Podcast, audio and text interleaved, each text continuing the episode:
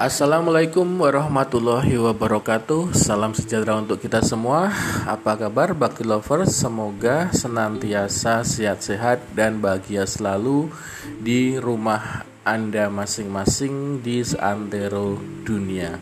Uh, Kita bertemu lagi dalam program acara Unek-unek berkualitas bersama Bakti Baik, kita lanjutkan lagi langsung saja Bakti Lovers eh, pada pertemuan kita hari ini eh, saya ingin bahas unek-unek tentang bab CSR atau Corporate Social Responsibility atau perusahaan eh, tanggung jawab sosial perusahaan. Baik, selamat menikmati rekaman saya.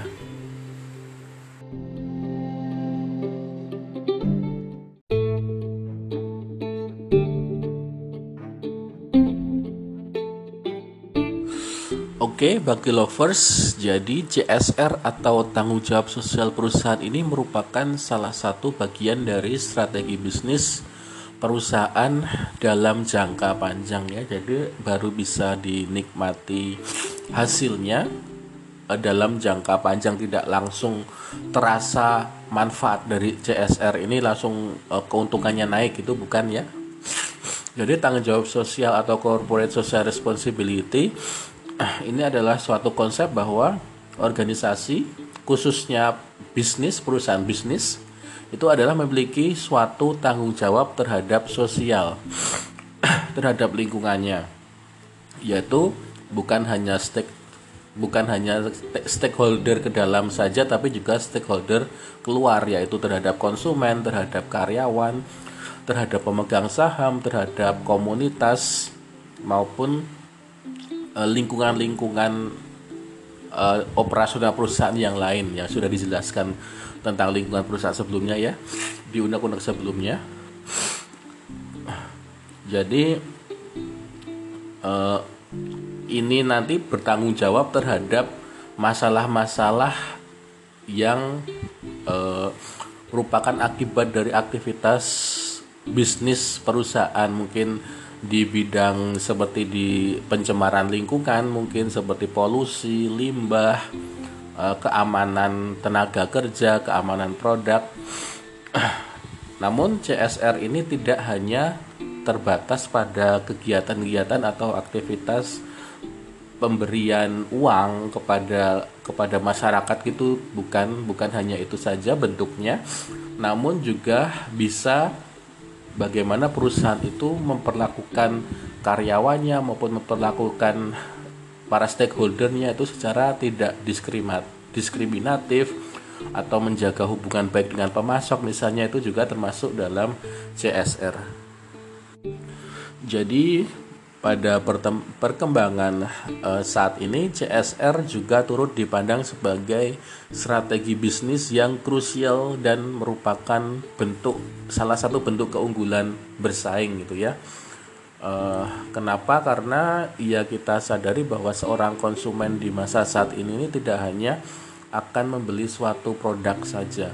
Konsumen tidak hanya akan membeli suatu produk saja, namun mereka juga akan menilai suatu produk dan perusahaan dari segi kontribusi perusahaan tersebut bagi kesejahteraan masyarakat dan lingkungan.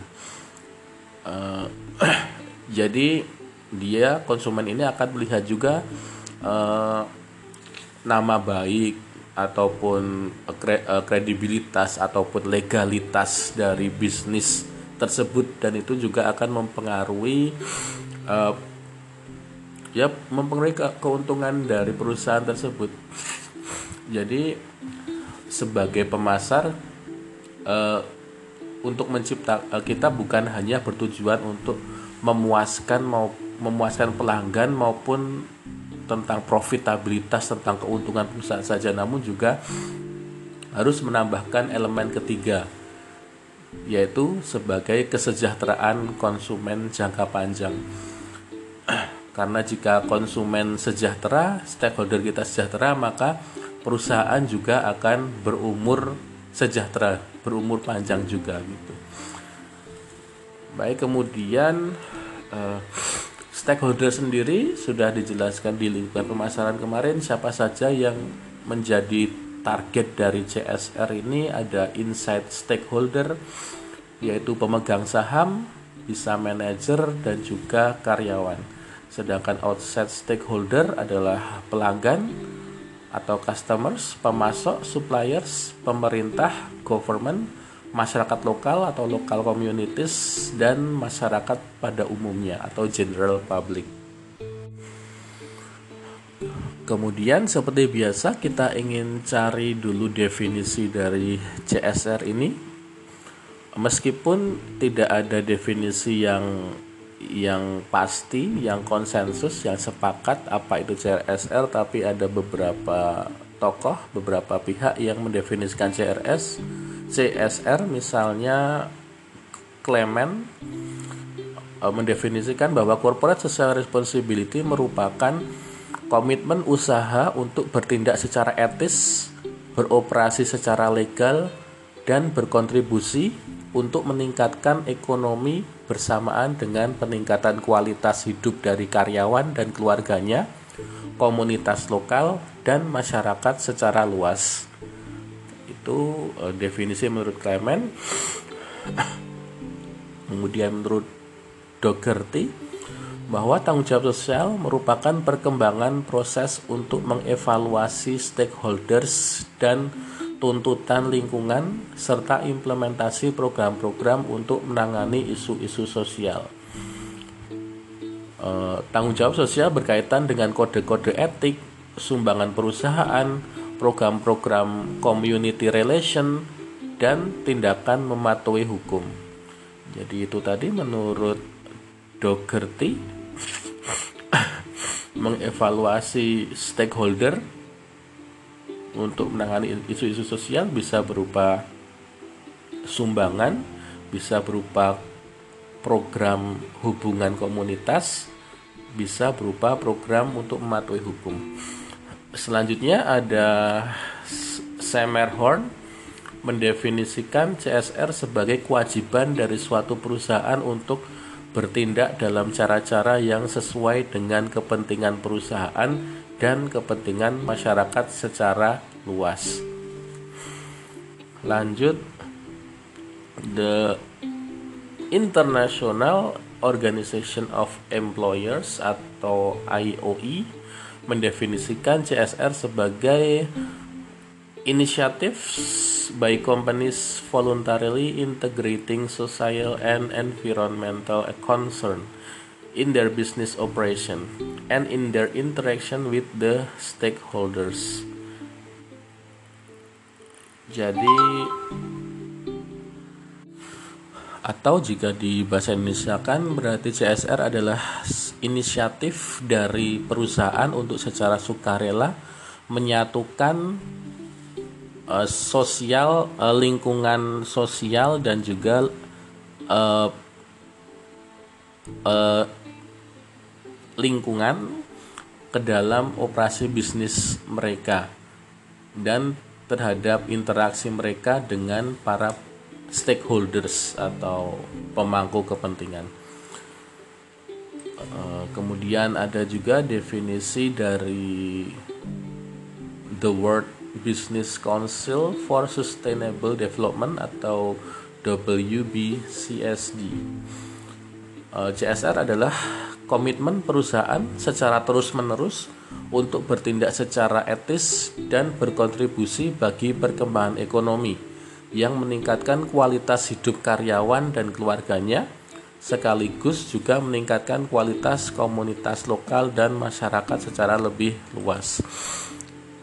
Kemudian the Kanada Industri juga mendefinisikan CSR meliputi beberapa program yaitu mencakup tata kelola perusahaan dan program-program etika menghormati terhadap kelompok pribumi dan minoritas, kinerja perusahaan yang akuntabel dan transparan, kesehatan, keamanan maupun keselamatan dan program lingkungan, kepedulian terhadap masyarakat dan hak-hak karyawan, kontribusi sukarela karyawan terhadap masyarakat, praktek kompetisi yang adil atau fair, anti suap dan anti korupsi, kebijakan manajemen terhadap sumber daya manusia, keterlibatan dalam komunitas, dan relasi yang harmonis dengan pemasok. Jadi ini semua lebih lebih lengkap menurut Kanada Industri CSR program-programnya bukan hanya sumbangan tapi tadi itu yang telah disebutkan tadi. Jadi uh, satu lagi ada juga dari Soeharto bahwa CSR adalah operasi bisnis yang berkomitmen tidak hanya untuk meningkatkan keuntungan perusahaan secara finansial, melainkan pula untuk membangun sosial ekonomi kawasan secara holistik, melembaga dan berkelanjutan. Jadi berpikir secara holistik itu maksudnya adalah berpikir secara menyeluruh jadi tidak cuma melihat masalah dari satu sisi, sisi saja, tapi juga mempertimbangkan sisi-sisi lain yang mungkin terkadang kurang atau tidak disadari itu ya maksudnya secara holistik. Jadi bisa saja dengan contohnya dengan lebih ramah lingkungan terkadang juga akan menghemat biaya gitu. Baik, jadi seperti yang dikatakan di awal bahwa CSR ini sudah dipandang sebagai salah satu strategi bisnis untuk ya bermanfaat untuk perusahaan juga dalam jangka panjang gitu ya seperti yang dikatakan tadi. Jadi agar perusahaan itu dalam berpikir itu bukan hanya pikirkan tentang uang, uang, uang atau profit, profit, profit itu jangan hanya perusahaan hanya untuk mengambil untung sebesar-besarnya dari konsumen itu kan salah namanya. Tapi menurut penelitian jika konsumen itu sejahtera, maka nantinya perusahaan juga akan ikut sejahtera. Jadi perusahaan pun juga mempunyai tanggung jawab sosial terhadap lingkungan, tanggung jawab sosial terhadap masyarakat sekitarnya. Jadi itulah uh, pesan dari CSR. Kemudian uh, impact of CSR. Jadi ada banyak beberapa penelitian sih beberapa penelitian bahwa CSR memang memberikan dampak yang positif terhadap perusahaan ya. Ada seperti terlihat ini cuma saya saya contohkan tiga saja. E, penelitiannya tentang pengaruh corporate social responsibility terhadap profitabilitas perusahaan. Ini e, menyatakan bahwa meneliti meneliti 38 perusahaan manufaktur data yang didapat berupa data primer yang yaitu berupa laporan keuangan yang dikeluarkan perusahaan setiap tahunnya. Dan penelitian ini menyimpulkan bahwa ternyata CSR berpengaruh positif terhadap profitabilitas suatu perusahaan. Kemudian contoh penelitian yang lain lagi ini implication of corporate social responsibility on marketing performance a conceptual framework. Ini juga menyimpulkan penelitian ini menyimpulkan bahwa CSR dapat berfungsi sebagai alat komunikasi pemasaran yang efektif dan mempertahankan keunggulan bersaing tersebut dalam lingkungan yang cepat berubah dan sangat kompetitif. Jadi CSR juga bisa dimanfaatkan sebagai alat komunikasi pemasaran yang efektif juga untuk sebagai pemasaran juga efektif ternyata. Kemudian penelitian yang lain juga ada the impact of corporate social responsibility on firm performance. Ini menyimpulkan bahwa CSR berpengaruh positif dan signifikan terhadap performa dari suatu firma. Bahkan bagi performa atau kinerja dari suatu firma bisnis pun juga bisa meningkat karena adanya program CSR ini. Jadi ada beberapa banyak eh, manfaat dari CSR jadi bukan dipandang sebagai perusahaan itu menghabis-habiskan uang untuk sosial itu bukan tapi juga ada banyak manfaat bagi perusahaan jadi banyak sekali manfaat dari CSR sedangkan tujuan diadakannya CSR adalah bisa dikatakan antara lain adalah untuk meningkatkan citra perusahaan. Jadi ada banyak penelitian juga yang menyatakan bahwa dengan meningkatnya citra citra perusahaan maka eh, lebih memberikan keuntungan bagi perusahaan maka penjualan jadi lebih meningkat gitu jadi CSR bisa untuk meningkatkan citra perusahaan. Kemudian juga untuk e, membebaskan akuntabilitas organisasi atas dasar asumsi adanya kontrak sosial di antara organisasi dan masyarakat. Kemudian tujuan yang lain adalah sebagai e, memberikan informasi kepada investor juga. Oke, jadi alasan-alasan perlunya tanggung jawab sosial perusahaan karena kebutuhan dan harapan masyarakat semakin berubah, masyarakat semakin kritis dan peka terhadap produk yang akan dibelinya, sehingga perusahaan tidak bisa hanya memusatkan perhatiannya untuk mendapatkan keuntungan belaka. Jadi kalau di masa sekarang kan ada juga yang namanya green consumers gitu ya jadi pembeli itu lebih memilih produk yang ramah lingkungan dibandingkan produk serupa tapi e, dalam produksinya mengorbankan lingkungan gitu. Misalnya sama-sama sama-sama sama-sama pabrik kertas gitu ya.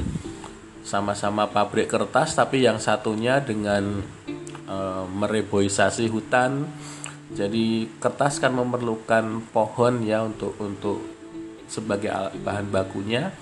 Perusahaan yang A ini memang memak, mem, mengkonsumsi pohon tapi juga mereboisi, mereboisasinya, melakukan penanaman kembali.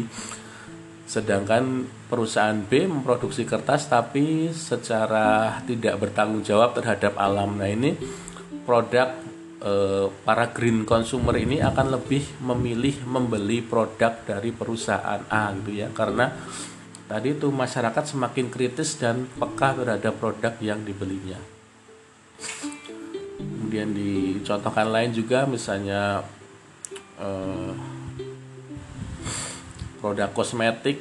Ada produk kosmetik yang lebih ramah terhadap hewan misalnya dengan produk kosmetik yang tidak peduli dengan kesehatan hewan, tidak peduli dengan lingkungannya, maka produk e, para konsumen ini akan lebih memilih produk kosmetik yang lebih ramah terhadap hewan karena ada pembeli juga yang concern dengan e, yang pencinta hewan, yang concern terhadap terhadap e, kesehatan hewan. Jadi mereka akan lebih memilih uh, produk dari perusahaan yang mempunyai nama baik yang lebih bagus. Yang mempunyai reputasi yang lebih bagus. Lanjut. Alasan berikutnya mengapa perlu adanya CSR karena terbatasnya sumber daya alam. Bisnis diharapkan untuk tidak hanya mengeksploitasi sumber daya alam yang terbatas namun juga harus memelihara dan menggunakan sumber dayanya secara bijak gitu ya setuju. Terutama untuk bisnis-bisnis yang sumber daya alamnya terbatas ini akan citranya akan buruk sekali kalau hanya mengeksploitasi saja tapi tidak mengkonservasi misalnya uh, sirip hiu misalnya. Uh, produk ini menjual sirip hiu maupun apa lemak hiu ikan hiu gitu padahal kan hiu terancam punah. Nanti produknya ini akan tidak disukai oleh masyarakat. Karena hanya mengeksploitasi saja tapi tidak mengkonservasi gitu. Dia mempunyai citra citra nama baik yang buruk akhirnya. Kemudian alasan yang lain lagi adalah karena lingkungan sosial yang lebih baik Lingkungan sosial akan mendukung keberhasilan bisnis untuk waktu yang panjang. Semakin baik lingkungan sosial dengan sendirinya akan ikut memperbaiki iklim bisnis yang ada. Misalnya dengan semakin menurunnya tingkat pengangguran. Jadi sekali lagi eh, perusahaan itu bukan hanya untuk mengeruk keuntungan yang sebesar-besarnya dari konsumen, pokoknya di dihisap dihisap semua, diperas semua keuntungan dari konsumen agar jatuh ke perusahaan itu bukan seperti itu. Tapi juga harus e, memberikan sumbangsih terhadap lingkungan sosialnya. Kenapa? Karena e, dengan semakin menurunnya tingkat pengangguran maka justru e, akan memperbaiki iklim bisnis yang ada tadi seperti yang disebutkan tadi.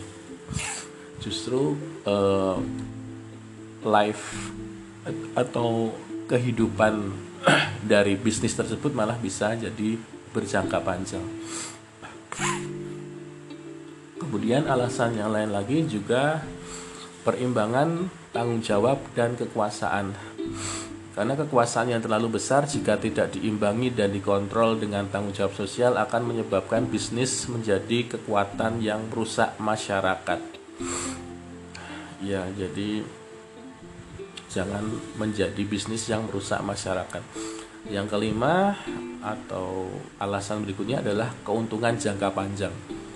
Dengan adanya CSR dan juga keterlibatan sosial akan tercipta suatu citra positif di mata masyarakat.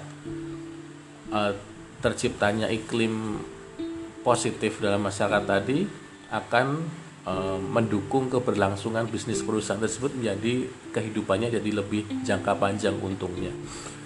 Jadi itu tadi antara lain uh, alasan-alasan mengapa uh, suatu perusahaan juga perlu melaksanakan CSR atau Corporate Social Responsibility.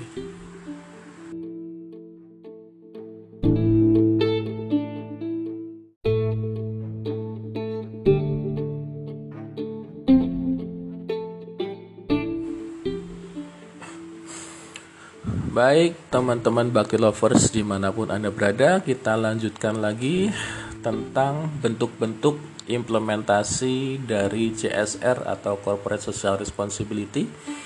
Ini ada beberapa bentuk, jadi bukan hanya sumbangan saja ya implementasinya ada beberapa kegiatan yang bisa ter termasuk sebagai CSR. Menurut Kotler dan Lee ini ada beberapa antara lain yang pertama dinamakan sebagai cause promotion atau promosi kegiatan sosial. E, ini adalah berarti menggalang dana, menggalang partisipasi maupun merekrut relawan guna meningkatkan kesadaran dan perhatian pada suatu social cause tertentu, pada suatu uh, uh, ya ya ada fenomena sosial tertentu. Uh, kita contohkan the body shop. Uh, jadi CSR yang dilakukan oleh the body shop about the body shop ini kan suatu perusahaan komestik yang uh, yang melakukan kampanye ambisius untuk melawan pengujian kosmetik terhadap hewan ya.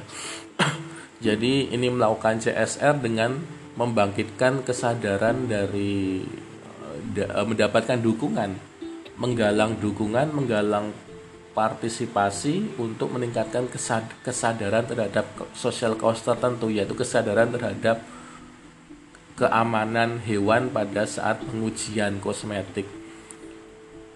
Uh, jadi ini uh, eh, CSR dari The Body Shop ini bertujuan untuk melibatkan 8 juta orang dikumpulkan tanda tangan dari 8 juta orang kemudian meminta petisi dari PBB untuk memperkenalkan sebuah konvensi internasional agar mengakhiri praktek menyakiti hewan-hewan e, menyakiti hewan-hewan untuk uji kosmetik ya. Jadi e, karena sebelumnya produsen ini tidak mengetahui bahwa suatu kosmetik itu juga diuji dulu ke hewan-hewan sebelum akhirnya dipasarkan ke manusia ya ke konsumen. Namun ya di ke hewan-hewan kelinci, ke hewan-hewan banyak hewan-hewan itu yang kemudian 80% meninggal. Hewan-hewan itu yang dijadi, dijadikan bahan bahan coba kosmetik itu 80%-nya meninggal. Kalau tidak meninggal pun jadi cacat gitu hewan-hewannya. Itu tentu saja E, menarik perhatian bagi produsen-produsen yang pencinta lingkungan ini memprotes sekali bentuk bentuk uh, kegiatan produksi dari dari pabrik kosmetik seperti ini yang menyakiti hewan-hewan. Jadi ini akhirnya bisa bisa dikumpulkan 8 juta untuk meminta PBB mengadakan konvensi internasional. Eh, kemudian eh, contoh yang lain lagi untuk kaos promotion adalah uh, Avon. Ini mungkin ini nanti saja. Baik itu tadi tentang kaos promotion sekarang lanjut bentuk implementasi dari CSR yang kedua adalah kaos related marketing yaitu perusahaan berkomitmen mendonasikan uh, beberapa persentase tertentu dari penjualan produknya untuk keperluan social cost tertentu. Jadi tadi kan kaos promotion adalah menggalang dana dan menggalang dukungan untuk menciptakan suatu kesadaran di masyarakat. Sedangkan cost related marketing adalah mendonasikan persentase tertentu dari penjualan produknya untuk suatu fenomena sosial. Contohnya ada tadi itu ya, iPhone tadi ya. Jadi iPhone ini merupakan produk aromaterapi dia membuat produk khusus yaitu iPhone Pink Ribbon Candle Breast Cancer Awareness Vintage Scan. Jadi bagi keuntungan yang didapat dari pembelian produk ini, penjualan produk ini akan didonasikan untuk mereka-mereka uh, untuk program kanker payudara. Jadi uh, 73% hasil penjualan kruset candle iPhone ini disumbangkan untuk kegiatan penanganan kanker payudara. Jadi ini selain CSR juga bisa meningkatkan citra baik perusahaan dan juga bagus juga untuk memperkenalkan produk-produk baru gitu karena kemudian diciptakan uh, di invent produk baru yang khusus untuk amal ini uh, kemudian contoh yang lain lagi tentang cost related marketing adalah misalnya dulu ada penjualan HP Asia Slang ya tahu ya slang teman-teman. Yang grup musik rock itu jadi ini diciptakan atau diinvent produk baru yaitu HP slang. HP Asia Slang. Jadi ribu rupiah dari hasil penjualan HP Asia Slang ini adalah disumbangkan untuk membangun fasilitas kesehatan pendidikan dan juga tempat ibadah di empat wilayah daerah Sumatera gitu jadi itu tadi contoh-contoh untuk kaos related marketing. Kemudian bentuk implementasi CSR yang ketiga adalah corporate social marketing. Ini adalah pengembangan atau pengimplementasian kampanye perubahan sosial yang ditujukan untuk perbaikan kesehatan, keamanan lingkungan atau kesejahteraan masyarakat. Contohnya adalah produk Pampers yang bermitra dengan SIDS Foundation Health Canada untuk mengkampanyekan pentingnya bayi tidur terlentang agar terhindar dari SIDS atau sudden death sudden infant death syndrome. Jadi eh, perusahaan tadi bermitra dengan eh, dengan organisasi sosial untuk mengkampanyekan perubahan sosial yang berhubungan dengan kesehatan, keamanan, lingkungan maupun kesejahteraan masyarakat. Jadi selain ya kan tapi biasanya yang berhubungan dengan produknya tersebut misalnya Pampers tadi kan produk untuk bayi jadi dia juga uh, mengenai yang berhubungan dengan bayi gitu pentingnya bagi tidur terlentang agar terhindar dari SIDS. Jadi eh, langsung eh, contoh berikutnya misalnya oleh PT Unilever ada produknya Lifebuoy bekerja sama dengan UNICEF dan juga USAID untuk mengkampanyekan cuci tangan pakai sabun ya kepada masyarakat uh, Indonesia ya bahwa cuci tangan kalau tanpa sabun hanya air saja itu masih banyak bakterinya masih kotor masih tidak bagus untuk kesehatan kemudian ditingkatkan kesadaran dari masyarakat, ditingkatkan trennya agar kalau cuci tangan ya jangan hanya air saja tapi juga memakai sabun. Dengan adanya CSR ini kan uh, setidaknya juga mempromosikan produk dari Unilever tadi ya, produk sabun Lifebuoy ya meskipun tidak tidak secara eksplisit uh, merupakan promosi belilah produk Lifebuoy tidak, tapi ini kan juga akan berpengaruh terhadap uh, selain citra nama baik juga orang-orang jadi akan lebih memakai produk sabun saat cuci tangan akan memakai sabun saat cuci tangan jadi juga bermanfaat untuk perusahaannya juga.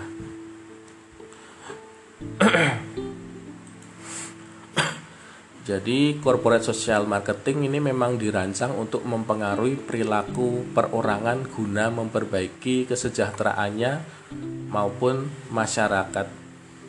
Eh, jadi ini meningkatkan antusiasme dari masyarakat untuk memakai suatu produk karena dengan ada mulai adanya kesadaran sehingga mereka akan mengubah pola hidupnya dan uh, pola pikir masyarakat sosialnya juga akan berubah dan lebih favorable terhadap produk kita gitu. Uh, lanjut ya ini tentang corporate filantropi. Yang keempat adalah corporate filantropi. Ini adalah memberikan kontribusi secara cuma-cuma, kontribusi langsung secara cuma-cuma atau charity dalam bentuk donasi, hibah dana, sumbangan atau bantuan lainnya kepada kegiatan amal maupun suatu sosial kaos tertentu. Jadi ini baru yang sumbangan-sumbangan tadi corporate filantropi ini jadi CSR tidak hanya melulu ber, berupa memberikan uang ya tapi juga ada kegiatan-kegiatan lain kalau berupa uang ya ya ini termasuk ke dalam bentuk corporate filantropi ini yaitu adalah tindakan perusahaan untuk memberikan kembali kepada masyarakat sebagian dari kekayaan perusahaan sebagai ungkapan terima kasih atas kontribusi masyarakat itu adalah uh, definisi corporate filantropi menurut uh, Roswell gitu ya. Contohnya misalnya ada beasiswa Jarum yaitu yang yang memberikan beasiswa terhadap uh, ya angkatan-angkatan sekolah. Contoh yang lain lagi adalah Telkomsel menyumbang 1,6 miliar untuk 55 yayasan dalam kegiatan Safari Ramadan pada tahun 2010 ini juga termasuk bentuk corporate filantropi. Contoh yang lain lagi PT Petrokimia Gresik, hand traktor dan alat pencacah rumput eh, ini memberikan sumbangan eh, kepada wakil masyarakat desa di Kabupaten Gresik. Jadi sumbangan ini bukan hanya e, berupa uang tapi juga bisa sumbangannya berupa produknya itu sendiri seperti petro petrokimia Gresik ini menghibahkan traktor menghibahkan hand traktor diberikan produknya diberikan secara gratis secara cuma-cuma kepada desa di Kabupaten Gresik hand traktor atau pencacah rumput gitu ya jadi kan ini bisa juga bermanfaat untuk memperkenalkan produk kita. Mungkin orang-orang belum tahu kualitas produk kita atau bahkan belum tahu apa sih produk kita. Kita lakukan corporate philanthropy dulu, memberikan sumbangan produk kita secara gratis dulu agar mereka tahu produk kita kemudian eh, setelah tahu kualitas kan mereka akan bercerita ke orang-orang sehingga semakin uh, semakin banyak orang yang tahu produk kita dan akan meningkatkan penjualan itu juga akhirnya akan bermanfaat juga untuk uh, perusahaan. Baik, kemudian lanjut implementasi selanjutnya dari CSR adalah berupa community volunteering atau kegiatan mendukung dan mendorong para karyawan ataupun mitra bisnis untuk merelakan sebagian waktu mereka untuk membantu organisasi dan aktivitas sosial kemasyarakat lokal. Jadi community volunteering jadi seperti uh, public service gitu ya. uh, jadi mengabdi kepada masyarakat. Jadi ada karyawan ataupun mitra yang diminta untuk terjun langsung ke masyarakat untuk mengabdi gitu. Jadi uh, contohnya adalah membersihkan sampah di sekitar perusahaan atau tempat tinggal karyawan yaitu meluangkan waktu untuk melayani para manula di panti jompo dan lain-lain. Jadi misalnya karyawan tersebut diminta untuk terjun langsung untuk menanam sejuta pohon misalnya. Ya, misalnya bisnis pabrik kertas tadi kemudian dijadwalkan kegiatan menanam sejuta pohon. Jadi karyawannya bekerja bekerja sama dengan organisasi sosial pecinta lingkungan untuk turun langsung ikut menanam pohon itu juga termasuk bentuk CSR community volunteering. Kemudian tadi contoh yang lain adalah karyawan meluangkan waktu untuk melayani para manula di panti jompo. Jadi intinya adalah ada ada ada volunteering, ada sukarela untuk terjun langsung itu adalah bentuk community volunteering. Kemudian yang keenam atau yang terakhir menurut Kotler bentuk dari CSR adalah socially, socially responsible business practice atau menerapkan praktek bisnis diskresionari atau bukan karena tekanan hukum, peraturan standar, moral ataupun etika. Jadi menerapkan praktek bisnis yang mendukung social cause guna meningkatkan kesejahteraan masyarakat maupun melindungi lingkungan. Contohnya, PT Taspen melaksanakan program konservasi energi dan air. Jadi maksudnya socially, socially responsible business practice bahwa perusahaan telah melakukan praktek bisnis melampaui standar etika yang telah ditetapkan berdasarkan regulasi. Jadi secara eh, uh, ya secara sadar, secara mandiri melakukan praktek-praktek bisnis yang bagus gitu, yang yang legal gitu. Misalnya kalau boleh dicontohkan tentang penyembelian hewan, misalnya ada ada bisnis daging, daging sapi misalnya dia melakukan bisnis praktek bisnis yang sesuai syariah misalnya harus ada ada harus ada Allah Akbar Allahu Akbarnya dulu sebelum uh, memotong maaf saya agak pilek. Untuk sebelum memotong sapinya harus ada Allahu Akbar dulu kemudian sapinya dibuat agar senang dulu ada ada ruangan yang luas bagi sapi agar tidak stres. Karena jika sapinya tidak stres, maka daging-daging yang dihasilkannya pun juga akan lebih sehat, akan lebih segar, akan lebih berkualitas gitu kan. Jadi manfaatnya juga banyak dibandingkan pabrik-pabrik lain yang tidak menerapkan responsible business practice misalnya sapi hanya dikurung dalam kandang yang sempit tidak bisa melakukan apa-apa hanya hanya bisa sapinya bikin stres gitu bahkan ada sapi yang sapi gelondongan yang biasa di yang disiksa dulu di, dikasih air dulu agar agar dagingnya gemuk gitu. Itu kan praktek bisnis yang yang tidak tidak beretika ya tidak bernorma ya karena menyakiti hewan. Jadi itu ada praktek-praktek yang buruk sedangkan perusahaan ini melakukan CSR dalam bentuk praktek bisnis yang bagus. Jadi contohnya saja seperti itu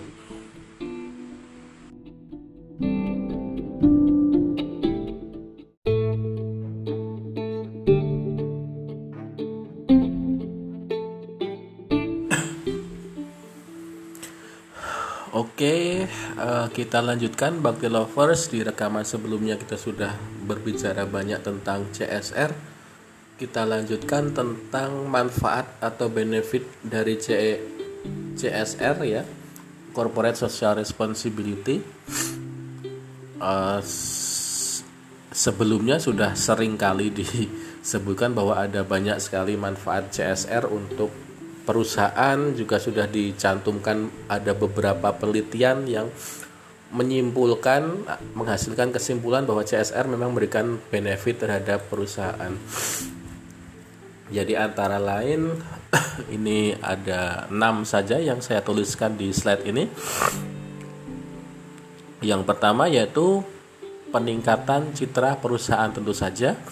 Dengan melakukan kegiatan CSR, maka konsumen dapat lebih mengenal dari perusahaan tersebut sebagai perusahaan yang selalu melakukan kegiatan yang baik bagi masyarakat. Dan mungkin teman-teman bagi lovers bisa dengan mudah menemukan penelitian yang yang menyimpulkan adanya hubungan yang positif antara profit atau keuntungan dengan uh, mit, uh, citra dari perusahaan. Jadi citra dari perusahaan itu akan uh, berpengaruh positif dengan profitabilitas suatu perusahaan. Dan CSR ini ternyata bisa meningkatkan citra dari suatu perusahaan. Jadi dia mempunyai keunggulan dibandingkan perusahaan yang perusahaan yang lain, perusahaan kompetitor yang memproduksi barang yang sejenis.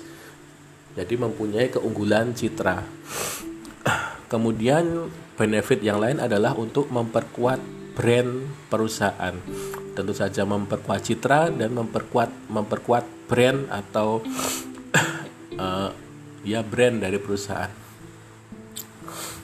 Jadi melalui kegiatan memberikan produk knowledge kepada konsumen dengan cara membagikan produk secara gratis sehingga meningkatkan positioning brand perusahaan tadi itu salah satu uh, bentuk dari corporate society dengan memberikan produk secara gratis juga bisa dijadikan sebagai alat untuk mempromosikan produk baru dan juga memperkuat brand kita.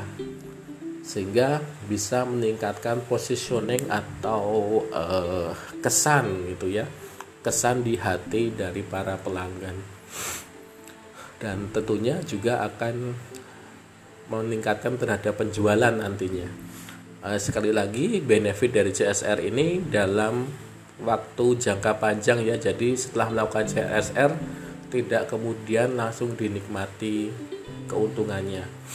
Tapi lagi-lagi saya tekankan bahwa CSR ini memang bermanfaat bagi perusahaan. Jadi perusahaan jangan hanya berpikir tentang uang, uang, uang bagaimana mendapatkan uang sebanyak-banyaknya, mengeruk uang sebanyak-banyaknya dari konsumen tidak, tapi perusahaan juga mempunyai tanggung jawab sosial untuk mesejahterakan lingkungan di sekitarnya. Kemudian benefit CSR yang berikutnya adalah mengembangkan kerjasama dengan para pemangku kepentingan. Contoh kerjasama dengan instansi pemerintah tadi e, di rekaman sebelumnya sudah dijelaskan bentuk-bentuk CSR yaitu bekerjasama dengan mitra termasuk mitra dari NGO misalnya non government maupun mitra dari e, instansi pemerintah untuk mengadakan penanaman hutan dengan institusi dari lingkungan dinas lingkungan hidup mungkin atau dengan NGO NGO yang lain. Jadi ini juga bisa membimbing e, mengembangkan kerjasama dengan para stakeholder. Dan kalau sudah kerjasama dengan pemerintah kan tidak ya bisa juga akan membuka peluang untuk untuk e, kegiatan-kegiatan lain dengan pemerintah tadi. Misalnya pemerintahnya bisa menjadi pelanggan dari perusahaan kita gitu. Kemudian dapat membuka relasi dengan pemangku kepentingannya. Jadi mengembangkan kerjasama dan juga membuka relasi yang baru untuk meningkatkan uh, ya meningkatkan koneksi ya. Mungkin dengan CSR ini kemudian kita bisa menemukan pemasok yang baru pemasok bahan baku yang baru, bisa menemukan distributor yang baru yang itu akan sangat bermanfaat bagi suatu perusahaan. Kemudian yang kelima adalah untuk membedakan perusahaan dengan pesaingnya. Tentu saja ini berhubungan dengan meningkatkan citra perusahaan tadi karena perusahaan sehingga mempunyai keunggulan komparatif dibandingkan pesaingnya daripada perusahaan pesaingnya yang tidak melakukan CSR. Kemudian keuntungan yang keenam adalah untuk menghasilkan inovasi dan pembelajaran.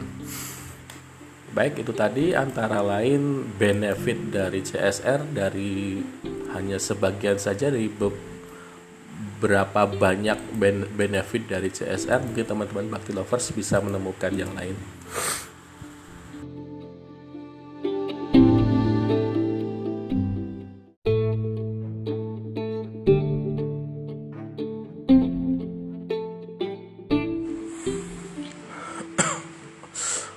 Oke, kita tadi bicara tentang advantage atau keunggulan yang merupakan salah satu benefit dari CSR.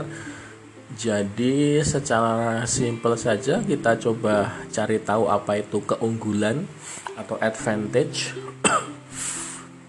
uh, ini ada yang namanya keunggulan spesialisasi atau keuntungan yang diperoleh suatu negara dalam perdagangan internasional akibat adanya suatu kelebihan dari kemampuan sumber dayanya menyebabkan negara tersebut sangat efisien dalam menghasilkan suatu produk tertentu.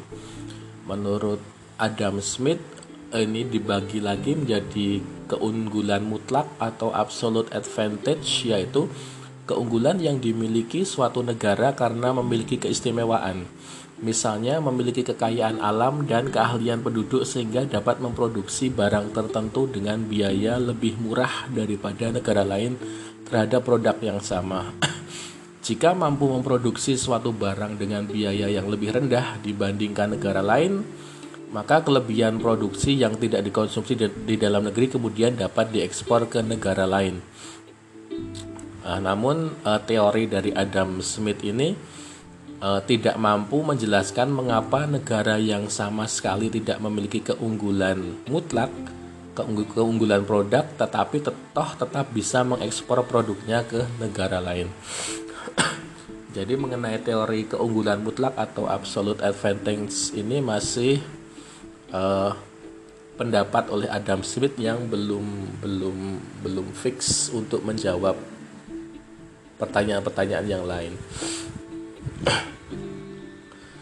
Eh, David Ricardo mengemukakan pendapat yang lain yang dinamai dengan keunggulan komparatif atau comparative advantage yaitu keunggulan yang dimiliki oleh suatu negara karena memiliki keunggulan lebih besar pada satu barang dibandingkan barang lain sedangkan negara lain memiliki kelemahan yang lebih kecil pada barang lainnya. Sehingga dilakukan spesialisasi untuk dapat meningkatkan dan mengefisiensikan produksi. Jadi keunggulan komparatif karena ada spesialisasi. suatu negara itu memiliki keunggulan yang lebih besar pada suatu produk tertentu saja dibandingkan negara lain. Jadi negara tersebut lebih spesialisasi, lebih fokus untuk memproduksi barang yang unggul tadi.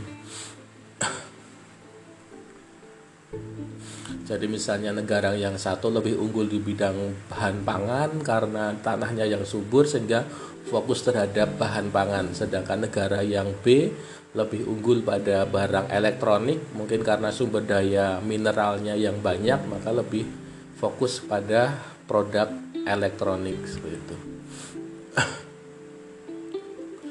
Jadi akhirnya bisa diadakan perdagangan yaitu negara A menjual bahan pangan sedangkan negara B menjual elektronik itu menurut uh, keunggulan komparatif dari David Ricardo. Uh, kemudian ada teori yang lain lagi uh, karena keunggulan komparatif tadi masih belum bisa menjawab pertanyaan-pertanyaan. Jadi apakah yang tidak mempunyai negara yang tidak mempunyai spesialisasi apakah akan rugi terus begitu kalau berdagang ternyata tidak ya karena ada juga yang namanya keunggulan kompetitif atau competitive advantage yaitu keunggulan yang diperoleh suatu negara karena kemampuan negara tersebut dalam memberikan pelayanan produk dan jasa sesuai dengan kebutuhan pasar. Jadi walaupun semua negara menghasilkan produk barang dan jasa yang sama atau umum dengan tingkat efisiensi yang relatif sama namun dari sisi kualitas pelayanan dan pemasaran lebih unggul dibandingkan dengan negara lainnya karena memiliki daya saing yang lebih tinggi. Contohnya bisa dicontohkan sebagai sistem operasi Windows dari Microsoft yang mengalahkan ada Apple, IBM dan Macintosh. Baik itu tadi eh, sedikit saja tentang advantage. Mungkin teman-teman Bakti Lovers bisa menambahkan dengan memberikan kritik dan saran kepada saya lewat uh, voicemail aplikasi Anchor ini ataupun lewat WhatsApp pribadi saya ya. Uh, baik, kita lanjutkan lagi kembali ke CSR atau Corporate Social Responsibility. Ini juga diatur secara hukum legal regulationnya di Indonesia terdapat pada Undang-Undang Nomor 40 Tahun 2007 tentang perseroan terbatas yaitu bahwa uh, definisi dari PT dulu PT adalah badan hukum yang merupakan persekutuan modal didirikan berdasarkan perjanjian melakukan kegiatan usaha dengan modal dasar yang seluruhnya terbagi dalam saham dan memenuhi persyaratan yang ditetapkan dalam undang-undang ini serta peraturan pelaksananya. Ini adalah pasal 1 angka 1 Undang-Undang tentang perseroan terbatas. Kemudian pada angka tiganya dijelaskan tentang tanggung jawab sosial dan lingkungan yaitu adalah komitmen perseroan untuk berperan serta dalam pembangunan ekonomi berkelanjutan guna meningkatkan kualitas kehidupan dan lingkungan yang bermanfaat baik bagi perseroan sendiri, komunitas setempat maupun masyarakat pada umumnya. Sedangkan pada pasal 74-nya di dinyatakan diatur bahwa CSR ini atau tanggung jawab sosial lingkungan ini adalah wajib untuk perseroan yang menjalankan kegiatan usahanya dalam bidang mengelola dan memanfaatkan sumber daya alam maupun yang kegiatan usahanya berdampak pada fungsi kemampuan sumber daya alam. Jadi merupakan kewajiban perseroan yang dianggarkan dan diperhitungkan sebagai biaya perseroan yang pelaksanaannya dengan memperhatikan kepatutan dan kewajaran. Jadi itu tadi teman-teman kalau di regulasi di Indonesia sendiri CSR merupakan kewajiban tapi hanya terbatas pada bisnis perseroan yang mengelola dan memanfaatkan sumber daya alam atau kalau kegiatan usahanya itu berhubungan atau berdampak dengan fungsi kemampuan sumber daya alam maka CSR adalah wajib. Jadi hanya itu saja. Dan juga tidak diatur secara pasti ya harus bagaimana bagaimana CSR-nya yang penting adalah merupakan kewajiban perseroan yang dianggarkan. Dan diperhitungkan sebagai biaya perseroan yang pelaksanaan dan pelaksanaannya dengan memperhatikan kepatutan dan kewajaran jadi eh, kegiatan CSR maupun berapa anggarannya itu diserahkan kepada PT tersebut saja. Perseroan yang tidak melaksanakan kewajiban tanggung jawab sosial lingkungan akan dikenai sanksi sesuai dengan ketentuan peraturan perundang-undangan yang terkait lanjut uh, jadi dalam prakteknya dalam praktek CSR ini meskipun tidak diatur secara gamblang dalam undang-undang namun sudah ada beberapa perda uh, di beberapa daerah yang telah mengatur besaran minimal anggaran uh, CSR dalam peraturan daerah ini. Uh, atau CSR atau tadi itu ya uh, tanggung jawab sosial dan lingkungan ya atau TJSL Undang-Undang Nomor 25 Tahun 2007 tentang penanaman modal juga mengatur tentang ini. Di pasal 15B, setiap penanam modal wajib melaksanakan tanggung jawab sosial dan lingkungan. Pasal 16, setiap penanam modal bertanggung jawab untuk menjaga kelestarian lingkungan hidup. Kemudian di pasal 34, sanksi administratif bagi penanam modal jika tidak melaksanakan TJSL adalah peringatan tertulis, pembatasan kegiatan usaha, pembekuan kegiatan usaha dan atau fasilitas penanaman modal, pencabutan kegiatan usaha dan atau fasilitas penanaman modal. Kemudian di undang-undang yang lain, eh, di peraturan perundangan yang lain adalah di peraturan pemerintah nomor 42 tahun 2012 tentang TJSL PT. Ini besaran minimal anggaran TJSL diatur dalam peraturan daerah di beberapa daerah. Sedangkan contoh daerah yang sudah menetapkan peraturan untuk besaran minimal TJSL misalnya Perda di Kalimantan Timur nomor 3 tahun 2013 bahwa tentang TJSL pasal 23 ayat satunya menyatakan minimal 3% dari keuntungan bersih setiap tahunnya. Jadi besarnya TJSL yang dianggarkan minimal adalah 3% dari keuntungan bersih per tahunnya. Sedangkan kalau di peraturan daerah di Bangka Belitung sendiri nomor 7 tahun 2012 besarnya TJSL adalah 1% sampai 2% gitu ya. Eh, nah, bagi perusahaan yang telah melaksanakan TJSL atau CSR tadi akan diberikan fasilitas atau atau e, keringanan oleh pemerintah. E, apa saja contohnya adalah fasilitas pajak ya, jadi fasilitas melalui pengurangan penghasilan neto, jadi PPh-nya lebih dikurangi. Kemudian pembebasan atau keringanan biaya masuk impor barang modal yang belum bisa diproduksi di dalam negeri.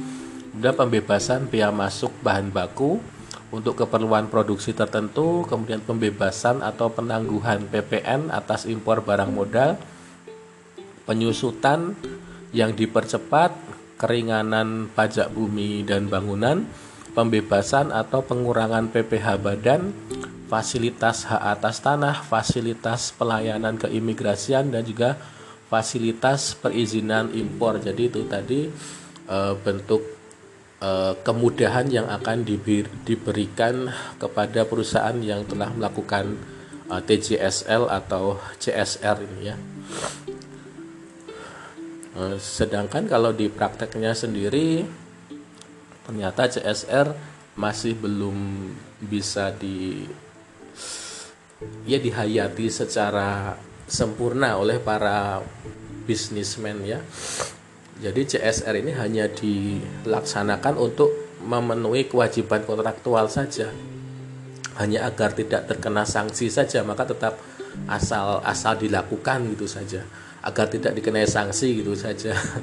Jadi masih kurang semangatnya untuk tadi itu agar mendapat benefit dari CSR tadi masih belum belum dihayati dengan sepenuhnya. Kemudian pelaksanaannya juga hanya untuk mematuhi peraturan baik yang dibuat oleh pemerintah pusat maupun daerah. Kemudian meskipun tanpa adanya proses meskipun tanpa adanya protes maupun kewajiban kontraktual, perusahaan seharusnya berusaha memberdayakan masyarakat lokal dan meningkatkan kesejahteraan.